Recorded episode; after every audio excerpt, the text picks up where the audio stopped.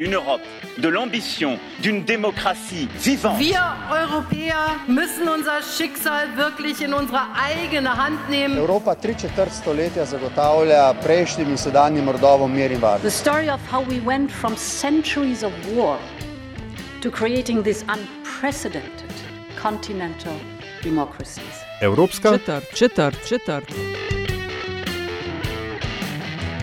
我们欢迎各方提出的 任何有助于缓解和解决乌克兰人道危机的倡议和举措。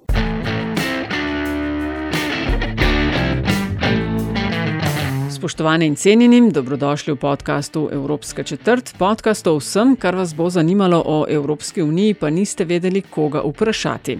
Evropska četrt vodi vam Nataša Briški in Aljaš Penkov Bitenc. Podcast domuje na spletni postaji metinalista.si, v vašem nabiralniku pa sveža epizoda takoj, ko je na voljo. Na dan, ko to snemamo, Aljaš, je mislim, da 100, več kot 100, 107 dni že od začetka vojne v Ukrajini. To bo osmi del v tej najni nanizanki, v kateri skušamo v kontekst spraviti, kaj se dogaja. Govorila sva že o zgodovinskem kontekstu, pa medijski cenzuri, kakšni so odzivi iz Brusla in tako dalje. Nisva pa ene teme še obdelala in to je Kitajska v kontekstu seveda vojne, odnosi Kitajska-Rusija, pa primer Tajvana. Ne? Tako je. Um, v dobrih starih časih, ne, ko so bili mediji še mediji, novinari še novinari in je bil Jurg Gostinčič še živ, je bila uh, taka klasična krilatica, ne, Kitajci pa modro molčijo. Uh, ne vem, ali je to danes temu še tako, ampak uh, zato, da to gotovimo, imamo eminentnega gosta, boljšega skoraj bi težko našla pod Alpami, uh, profesor dr. Zlatko Šabič, živijo. Zdravo, živijo. Zlatko, zdravo. Uh, Aljaš je že omenil, ne? zdaj Kitajci napada nekako niso obsodili, nadejali so se uh, hitre zmage, tole, da se to skupaj vleče že tri plus mesece, jim verjetno nikakor ne gre uh, v kontekst. Vse stvari so se maksimalno zapletle. Um, zdaj, na nek način jim Putin gre bolj v kontekst kot EU, zaradi tega, ker je.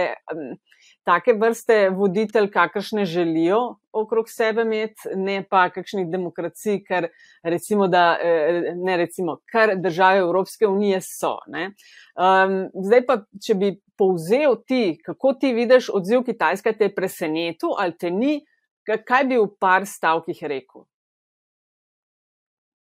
Kitajska zagotovo uh, ni pričakovala takega, uh, takega rekel, dolgega, uh, uh, dolge Putinove avanture.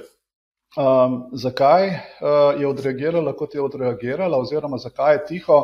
Uh, Te so seveda dve, uh, bom rekel, dve tradiciji. Ena je v času hladne vojne, uh, tam je dejansko Kitajska bila tiho iz skupaj razlogov.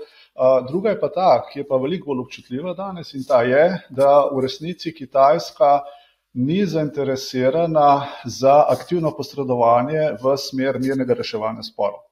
Razlog, zakaj je temu tako, je, da če bi Kitajska se kot neka odgovorna vele sila zauzemala za mirno reševanje sporov, v resnici mora potem, bi morala potem ta vzorec prenesti tudi v svoje dvorišče, kar pomeni, da bi njen imperativ moral biti tudi, da se kakršna koli situacija v regiji, v Južno-Kitajskem morju in seveda še posebej s Tajvanom rešuje mirno. Ker pa Kitajska v bistvu ima tako zakonodajo, da tega v resnici uh, niti ni nujno, da, torej, da je temu dosledna. Se pravi, Kitajska z drugimi besedami povedano uh, se ne vključuje v to, uh, to situacijo z namenom mirnega reševanja sporov, ker bi ustvarila zase nevaren precedens.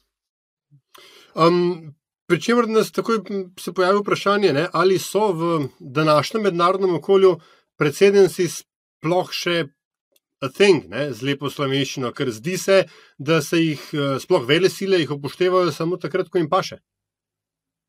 Uh, ja, mednarodna skupnost uh, res deluje v ciklih, um, kar je seveda, ne, uh, pač očitno mi smo zdaj v enem takem ciklu. Uh, namreč uh, od tam, od 19. stoletja, no, konkretno od 1815, se poskuša ta moderna mednarodna skupnost, kot ti pač jaz pravim, nekako vedno imeti nek red, neko stalnost, neko stabilnost. Ne. Ampak seveda, znotraj te stabilnosti mednarodna skupnost, družba ni, torej enoznačne stvari se razvijajo in dogaja se seveda to, da se vedno najde zadovoljni oziroma nezadovoljni in takrat sistem začne razpadati.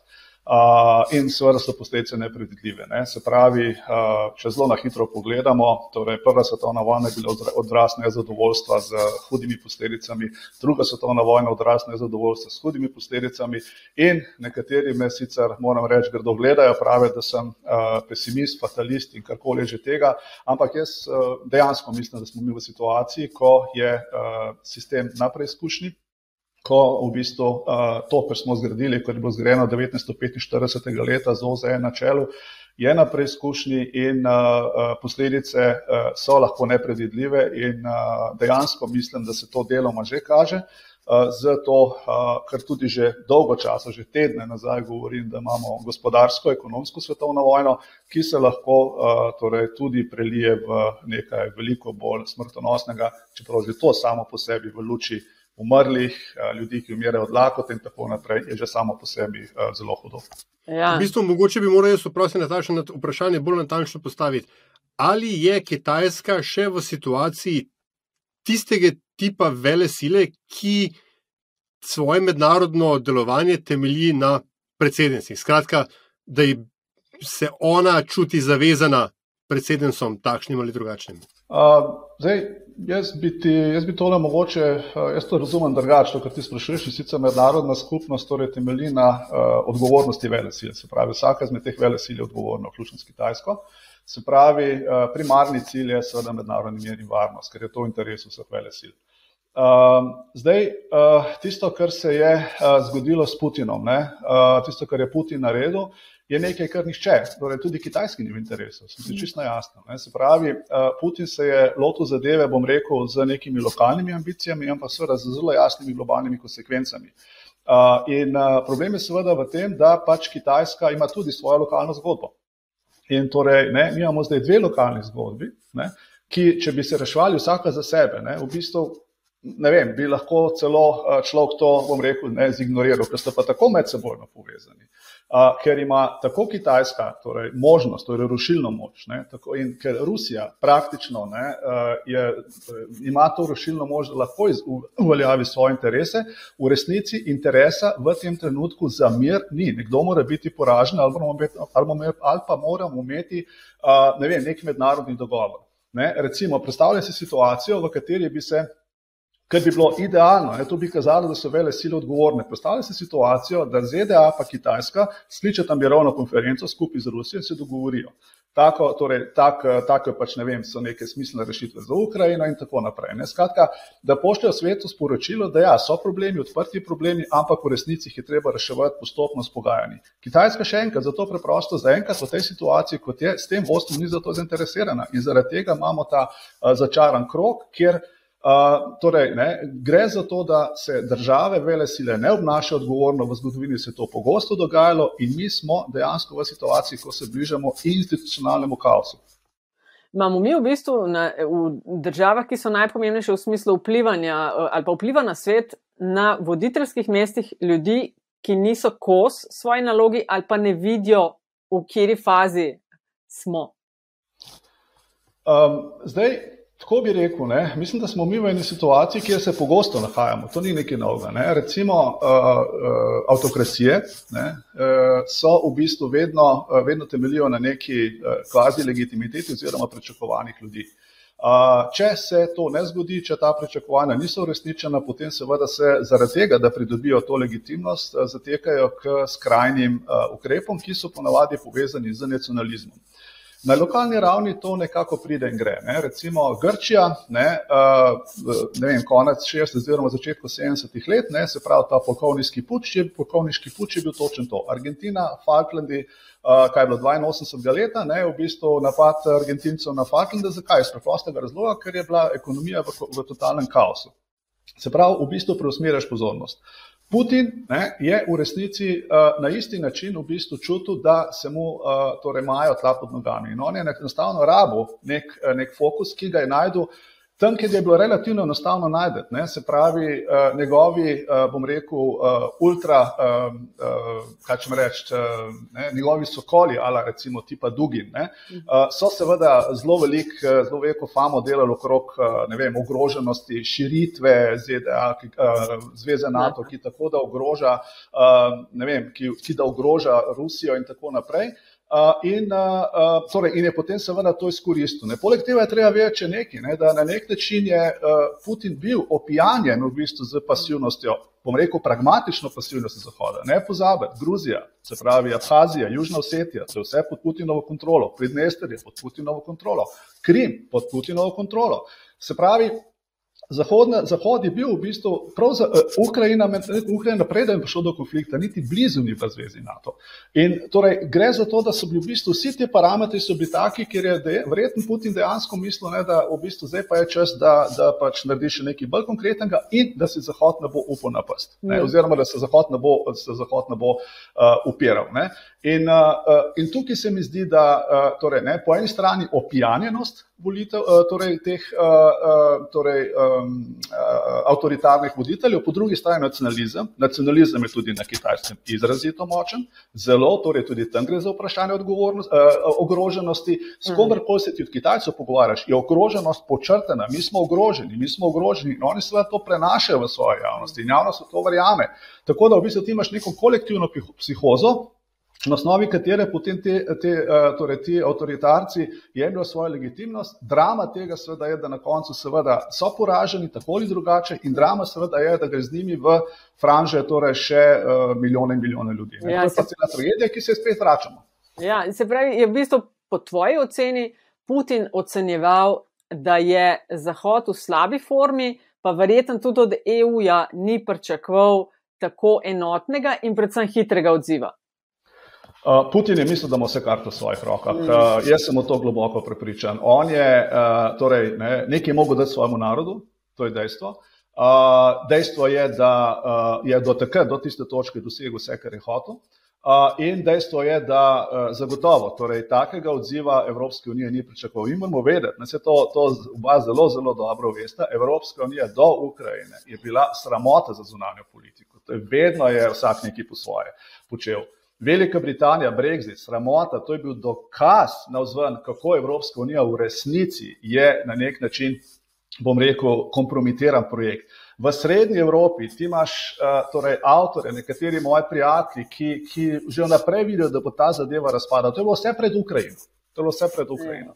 Potem pa seveda se pokaže, ne, da so pa seveda posledice tega, kar dela Putin, ne, da to niso samo posledice vezane na Ukrajino, ampak grejo zadeve dalje. Ker takrat pa ti ugotoviš, ko gre človek direktno v vojno in v bistvu pri tem ne špara sredstev, sta pa samo dve varianti. Ali je pozitivno nor, ali pa dejansko se človek odločil, da pač je čas, da se Rusija ponovno postavi kot globalna sila. Neke vrste lokalni Irak smo dobili, če hočete. Ne? Se pravi, ZDA se je hotela potrditi kot uh, globalna sila, sila številka ena, zato je šla v Irak, ker je bila dovolj samozavestna.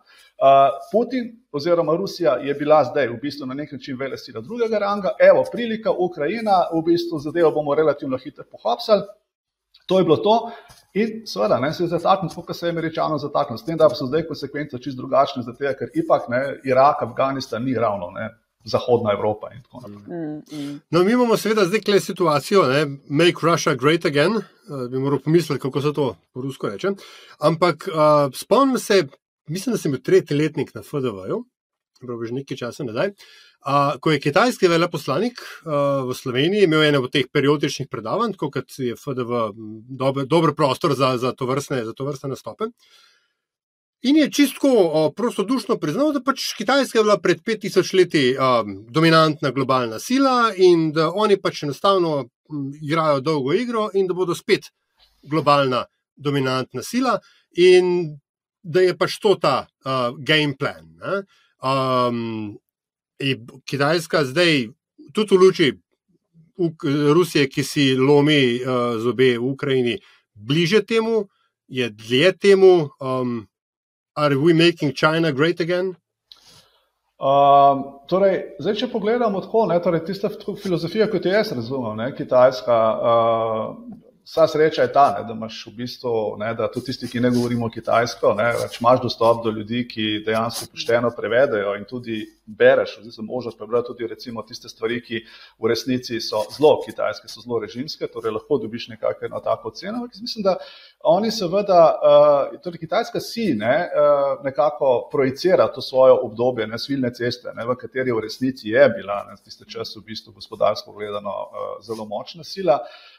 In uh, jaz mislim, da njihova ideja strukturne moči je malce drugačna kot je ameriška in ta ni nujno, torej bom rekel, 100% dominantna. Mi tako, tako v teoriji še nismo imeli 100%, torej v praksi še nismo imeli 100% hegemona. Hegemon, ki je 100% mora v bistvu zato, da, je, da, ima vla, da, ima vlado, da ima vlado na celem planetu, mora za to plačati, mora to pač podkupovati.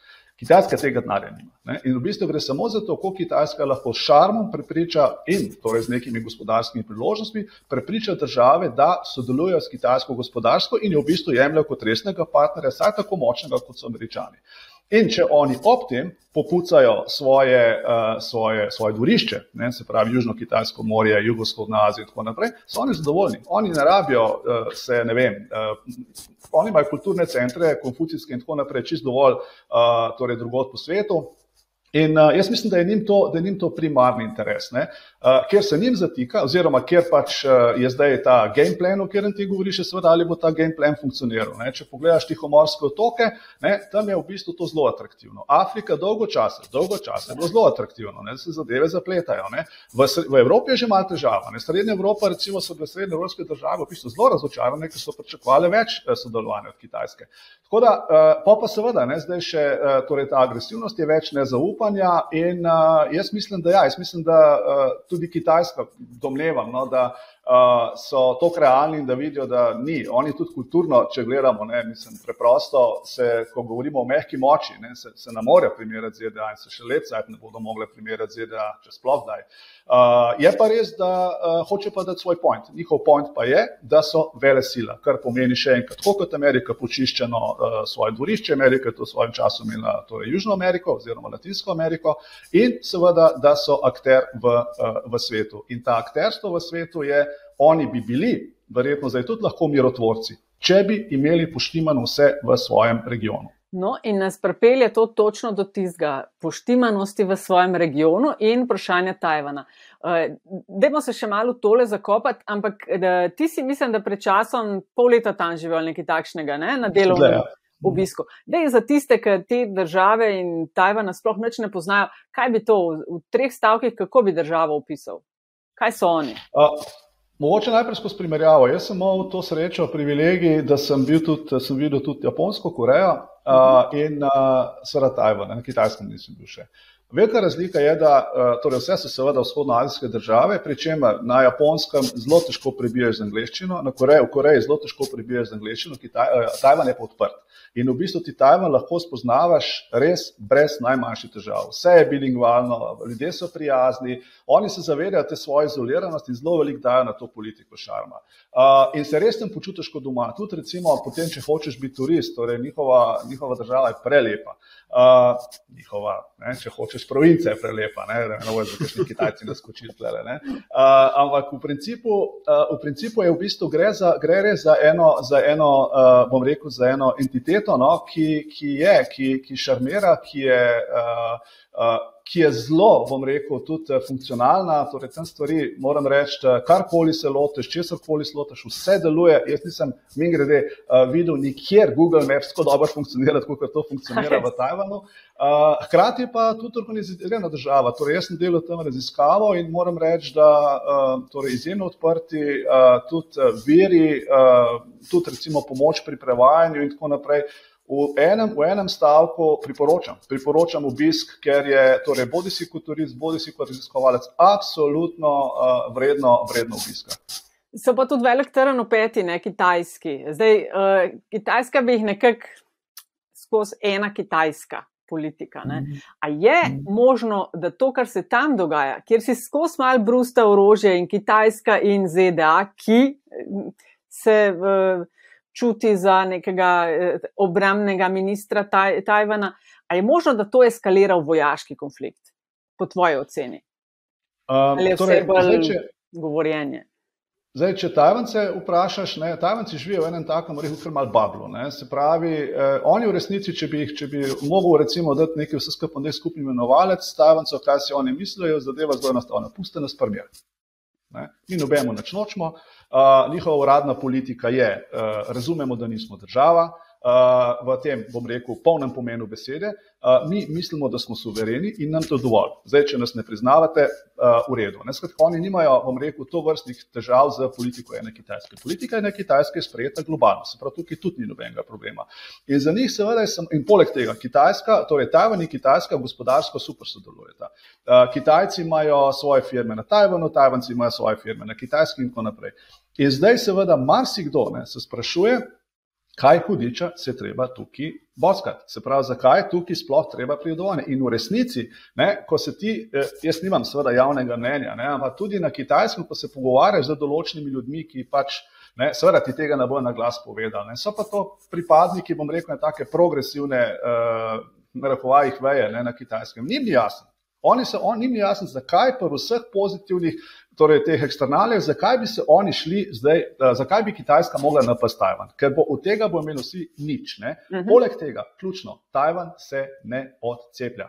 Tajvan, tako kot vedno podarjam, največja krvava napaka bi bila, da bi Tajvan razglasil formalno neodvisnost. Ljudem tam je vse. Ljudem tam, ljudem, oni, oni v bistvu živijo, se pravi, v enem takem bablu, potujejo, uh, uh, oni, mi grede, ne, mislim, njihova, njihov pasport je eden najbolj, uh, najbolj v bistvu odprtih pasportov potnih listov na svetu. Kitajska, mislim, da ne vem, če v dveh tretjinah dosega uh, toliko in vse brezvizno, mi grede, vse brezvizno. Njihovo, njihova, njihova svoboda potovanja je, je zavidajoče vredna. Uh, tega Kitajska nima, tega Rusija nima, niti približno ne. Tako da oni v resnici, uh, seveda, politično ne, trpijo, normalno, ker pač nimaš takega uh, sodelovanja, kot bi si ga želel. Ne. Ampak na gospodarskem področju v resnici niti ne gre to uh, slabo, v luči vsega. Se pravi, če že moraš zbirati priznanje, ne priznanje, razumemo, ampak konflikt. Uhum. Ker se mi pogovarjamo o neki racionalni zbiri in ker vidiš, da je vse skupaj v bistvu malo, da ne kaprica njihovih komunističnih voditeljev, je pa zadeva, je pa zadeva po pravi spojena nora. Ampak mi smo mislili, da tudi v Rusiji, da tudi tu niso ne, pa zdravi pameti ne, in da vidijo v bistvu, da zdaj vsi zgubljajo, tudi Rusi, njihovi legarki, ni da ni. Ne, pa imaš, da nam reko zdaj koga, ki, ki tega ne razume. Ne. In seveda, če se, če se nekomu tako, bom rekel, na rekovajih odpele, ne, potem seveda je, ni neizključeno, da se bo še nekomu drugmu, drugmu iz istih razlogov. Ne. Sem še enkrat, nič novega, v zgodovini smo to imeli. Tako da, žal, kar nas pripelje v bistvu do um, naslednjega vprašanja. V kitajski partijski vrhuški je vsaj od Deng Xiaopinga, če ne prej, mm. veljalo pravilo, da se na deset let ekipa na vrhu zamenja. Do Xi Jinpinga, ki je, um, da rečem, izvedel Tita ne, z um, mandatom, brez ograničenja trajanja mm. mandata, kot se je včasih lepo rekel koliko zdaj na, v, v, v te računice, o, rekel, racionalno računico o, o, o konfliktu uh, med uh, Tajvanom in Kitajsko, potencialnem konfliktu, koliko to ruši ne, dejstvo, da Xi Jinping vsaj uradno nima omejitve mandata in da je lahko teoretično na oblasti, kolikor časa mu pač srce poželi ali pa dovoli. Uh. Ja, tukaj je v bistvu zelo zanimiva situacija. Vidite, da ste verjetno seznanjeni s temi govoricami, ne, da kitajska vrhuška ni preveč zadovoljna s tem, ne, da bi Xi Jinping večno vladal. Xi Jinpingova torej, obsesija je, on si ne zna predstavljati zaključka svoje, on bi rad pa šel v zgodovino, on ne zna predstavljati zaključka svoje misije, če recimo Tajvana ne dobi nazaj. Ne.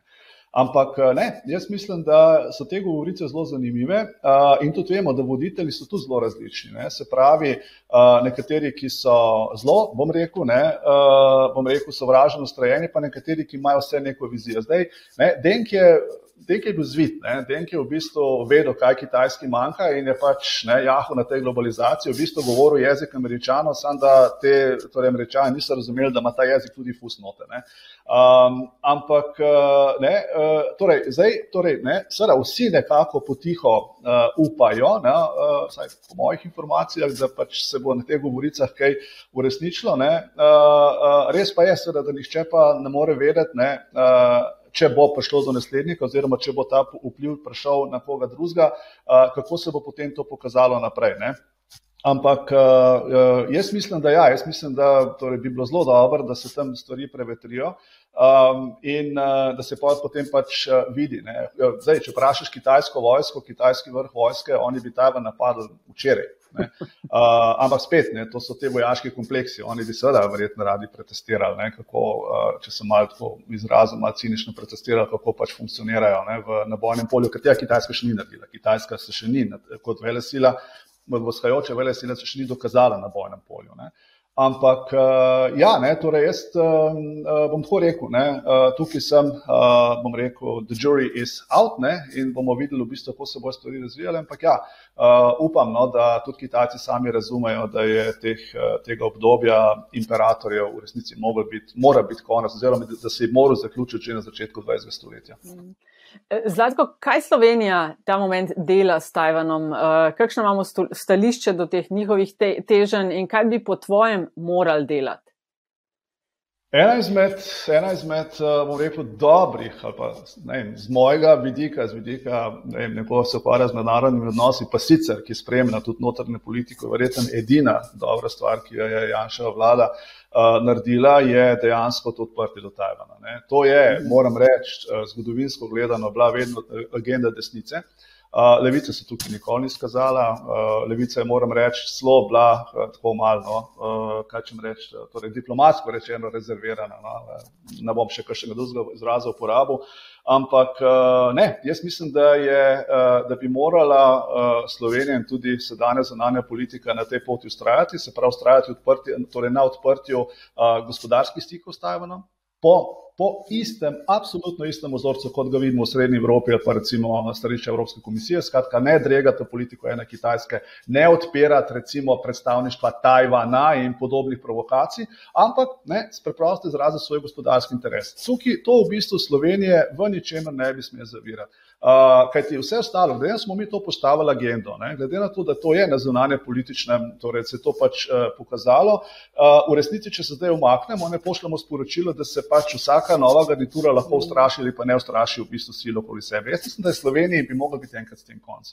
Um, ena izmed stvari, ki sem si jaz vedno želel v slovenski zunanji politiki, je doslednost. Ne. Se pravi, ne more se zunanja politika z vsakim, ne, zunanja politika je tako, kot ena banana, no, se mi zdi, no, vsak, vsak nov, ki pride, drugače po svoje. In uh, nekako se mi zdi, no, da bi nekako mogel se začeti no, uh, mi resno obnašati in videti, kaj pravzaprav so naše tendence, kaj so naše želje. Ne.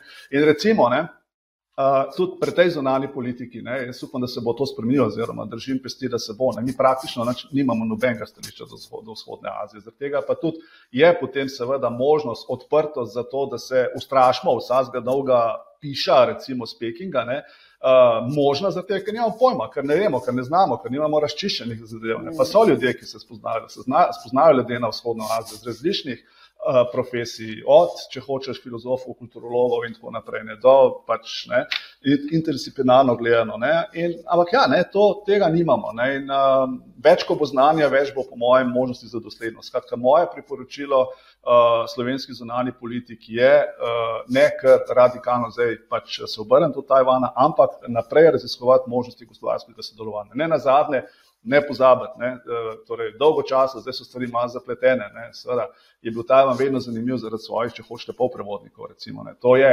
tehnološko zelo razvita država in v resnici, če ostale države sodelujejo, zakaj se pa ne bi še mi en koček te putičke vzeli, no? Pa se na koncu konca tudi ja. EU tam predstavništvo. Ja, se pravi, to sem rekel. Ne? EU ima tam predstavništvo. Vem, Nova Zelandija, Avstralija, ja, ja, ja. Češka, Mačarska, Poljska, Slovaška, le ni da ni, no, Avstrija. Luksemburg. No, je to Luksemburg, hvala, ja, tega imaš. Ja.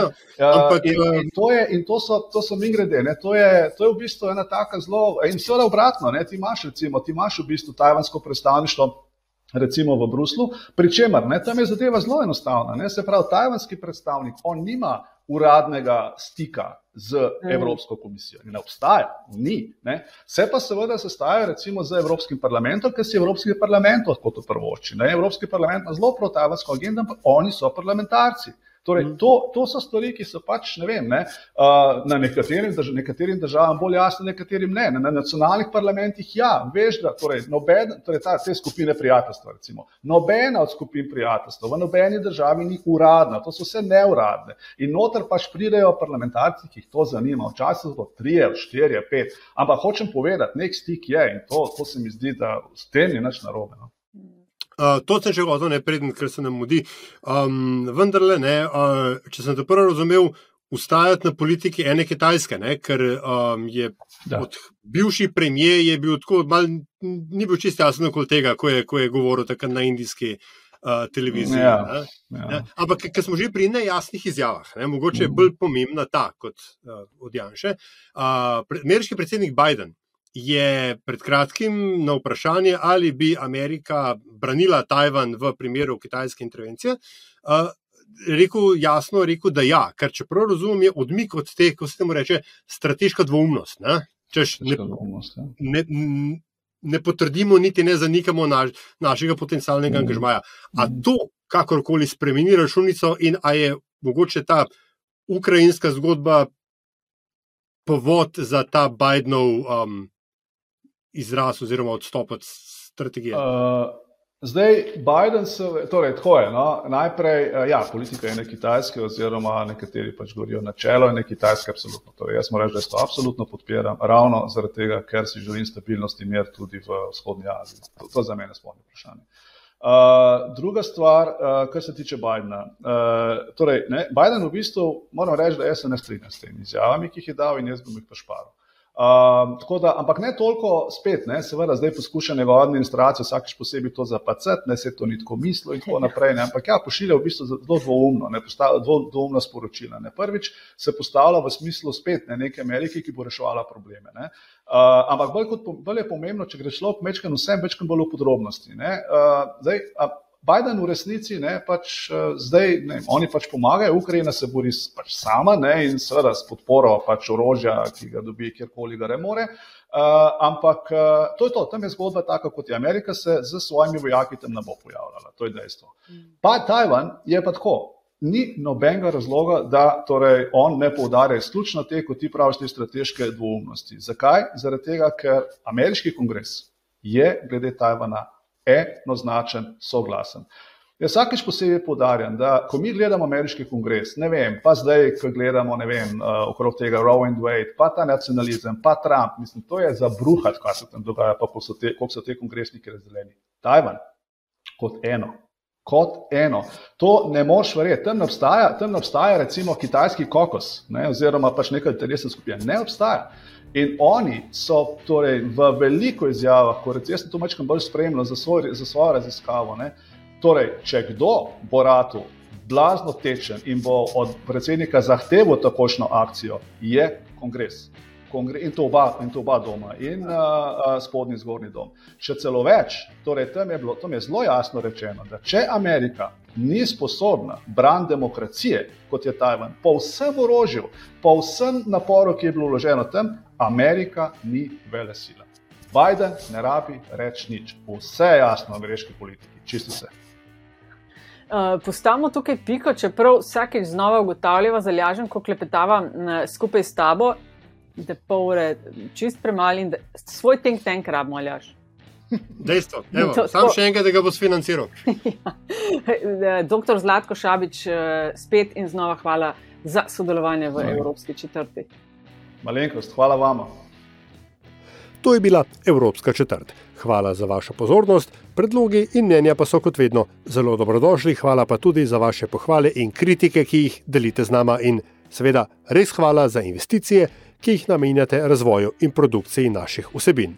Avtor glasbene podlage je Peli iz podcasta Opravičujemo se za vse nevšečnosti. Če vam je vsebina všeč, bo pomagalo, da nas najde še kdo, če naj jo ocenite pri vašem izbranem podcast ponudniku, sicer pa hvala za vašo družbo in se spet slišimo k malu.